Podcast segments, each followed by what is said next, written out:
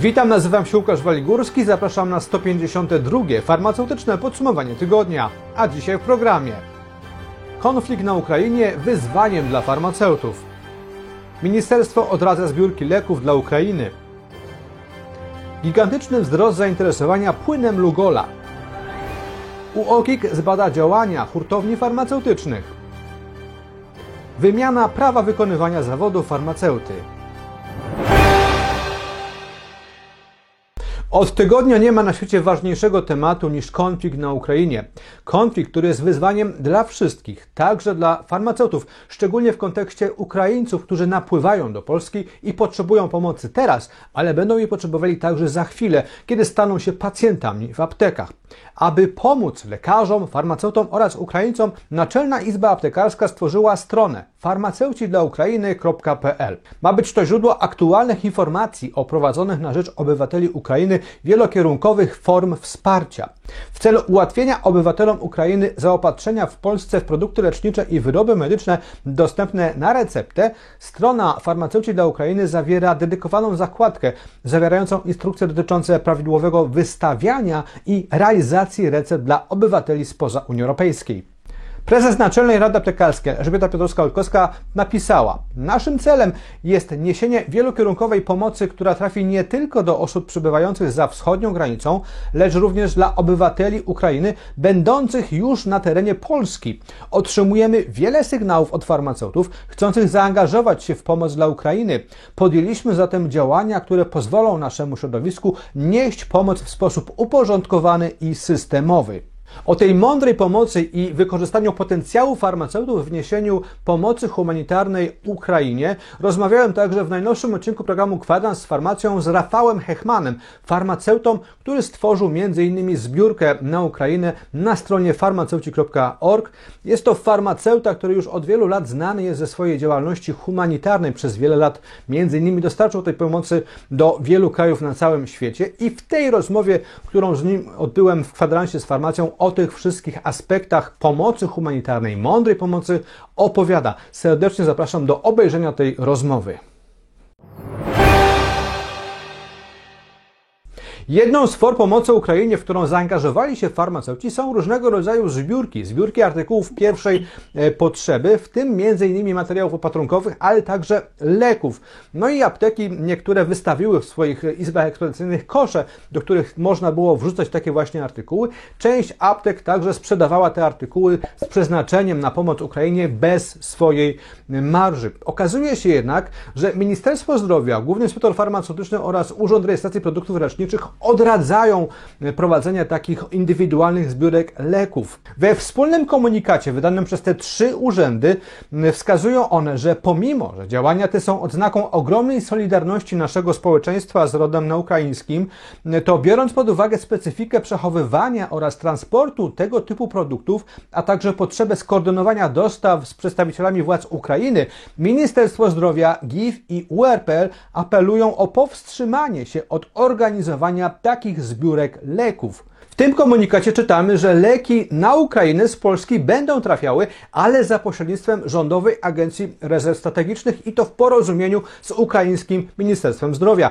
Ten apel o nieorganizowanie indywidualnych zbiórek leków powtórzył także wiceminister Maciej Miłkowski w kolejnym komunikacie wydanym pod koniec tego tygodnia, w którym też zaapelował do samorządu lekarskiego oraz aptekarskiego, aby uczulali oni te osoby, które chcą takie leki wysyłać, że leki zbierane w indywidualnych zbiórkach nie przejdą przez granicę i nie dostaną się tak naprawdę do Ukrainy. Dlatego te leki, które już teraz zostały zebrane, warto przekazywać do punktów rejestracyjnych oraz do punktów relokacyjnych, bo tam gromadzą się duże liczby Ukraińców i tam właśnie te leki mogą okazać się przydatne. Doniesienia dotyczące konfliktu zbrojnego na Ukrainie oraz walk toczących się w okolicach elektrowni atomowych, ale także groźba użycia broni nuklearnej sprawiły, że w polskich aptekach gigantycznie wzrosło zainteresowanie płynem Lugola. Jest to oczywiście związane z tym, że płyn Lugola w roku 1986 w trakcie katastrofy elektrowni w Czarnobylu podawano dzieciom. Podawano go wtedy po to, aby wysycić tarczycę dzieci jodem, aby zapobiec wchłanianiu przez nią radioaktywnego izotopu jodu z opadów promieniotwórczych. Dziś już wiemy, że ta akcja nie miała większego znaczenia, o czym od dawna mówią już lekarze. Obecnie w specjalnym komunikacie przed piciem płynu Lugala przestrzega też Państwowa Agencja Atomistyki. Skutkiem ubocznym stosowania preparatów jodu może być nadmierne uaktywnienie tarczycy, co może doprowadzić do jej nadczynności. U niektórych pacjentów, w tym cierpiących na zaburzenia układu krążenia, może to doprowadzić do zagrożenia zdrowia i życia. Dlatego preparaty ze stabilnym jodem należy przyjmować tylko w przypadku wystąpienia konkretnych zaleceń. Państwowa Agencja Atomistyki prowadzi całodobowy nadzór nad sytuacją radiacyjną w Polsce i zapewnia, że obecnie nie ma żadnego zagrożenia dla ludzi, zwierząt czy środowiska. Co ciekawe, sytuacja związana z zagrożeniem e, nuklearnym w Ukrainie sprawiła, że zainteresowanie jodem i preparatami jodu wzrosło także w innych krajach europejskich. W rezultacie m.in. w Finlandii i w Norwegii preparaty z jodem zostały praktycznie wyprzedane. W minionym tygodniu rynkiem aptecznym, rynkiem farmaceutycznym wstrząsnęła informacja o tym, że prezes Urzędu Ochrony Konkurencji i Konsumentów wszczął postępowanie w sprawie funkcjonowania 10 podmiotów z rynku aptecznego, rynku farmaceutycznego. Te podmioty to hurtownie farmaceutyczne oraz dostawcy oprogramowania do hurtowni oraz do aptek, a są to konkretnie takie firmy jak Farmakol ITB, Farmakol, Farmakol Service, Farmakol Logistyka, Farmateka, Camsoft, Neuka, Polska Grupa Farmaceutyczna, Soft for You oraz Świat Zdrowia. A tak o zarzutach stawianych tych firmom mówi sam prezes Urzędu Ochrony Konkurencji Konsumentów Tomasz Chrustny. Wszcząłem postępowanie antymonopolowe przeciwko 10 podmiotom, hurtowniom farmaceutycznym i dostawcom oprogramowania. Postawiłem im zarzuty antykonkurencyjnej wymiany informacji m.in. o stosowanych cennikach, udzielanych rabatach czy marżach. Narzędziem do pozyskania przez hurtownię takich danych o konkurentach może być zamontowane w aptekach oprogramowanie dostarczone przez specjalistyczne firmy, które również otrzymały zarzuty. Dowody uzyskane podczas przeszukań w siedzibach spółek wskazują, że mogło dojść do porozumienia polegającego na wymianie informacji między przedsiębiorcami. Hurtownie miały zapewniony dostęp do strategicznych danych konkurentów. Pozyskiwane informacje mogły zmniejszyć ich niepewność co do posunięć innych uczestników rynku, pozwalać się do nich dopasować, zapobiegać wojnom cenowym czy stanowić wsparcie przy negocjacjach z producentami leków. Wszystko to mogło ograniczać konkurencję i w efekcie prowadzić do wyższych cen na aptecznych półkach dla konsumentów. Podejrzewane przez urząd praktyki mogą naruszać zarówno przepisy krajowe, jak i unijne. Jeżeli zarzuty się potwierdzą, przedsiębiorcom grożą kary w maksymalnej wysokości do 10% rocznego obrotu.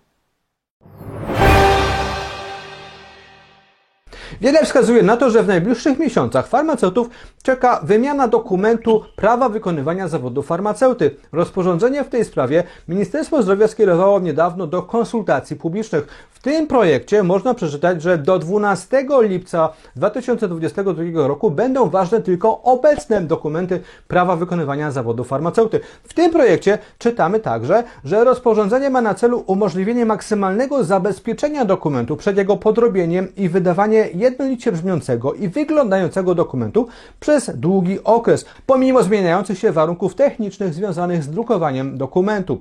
Projekt tego rozporządzenia dostępny jest w portalu mgr.farm. Tam można m.in. zobaczyć, jak będzie wyglądał nowy dokument prawa wykonywania zawodu.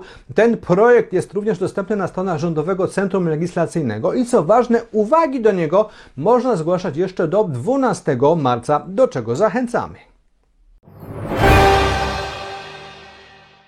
I to już wszystko w tym farmaceutycznym podsumowaniu tygodnia. Bardzo dziękuję za uwagę. Oczywiście po więcej informacji z rynku aptecznego, rynku farmaceutycznego zapraszam na portal mgr.farm. Tam codziennie w pocie czoła przygotowujemy dla Was nowe doniesienia na temat tego, co jest ważne dla farmaceutów i dla funkcjonowania aptek. Tradycyjnie też zachęcam do prenumeraty naszego magazynu dwumiesięcznika mgr.farm, który jest największym tego typu czasopismem dla farmaceutów w Polsce, a jego najnowszy numer dosłownie niedawno został opublikowany. Miała miejsce jego premiera premiera i do zapoznania się z jego treścią zapraszam na stronę mgr.farm ukośnik magazyn. Bardzo dziękuję za uwagę i zapraszam na kolejne farmaceutyczne podsumowanie tygodnia już wkrótce.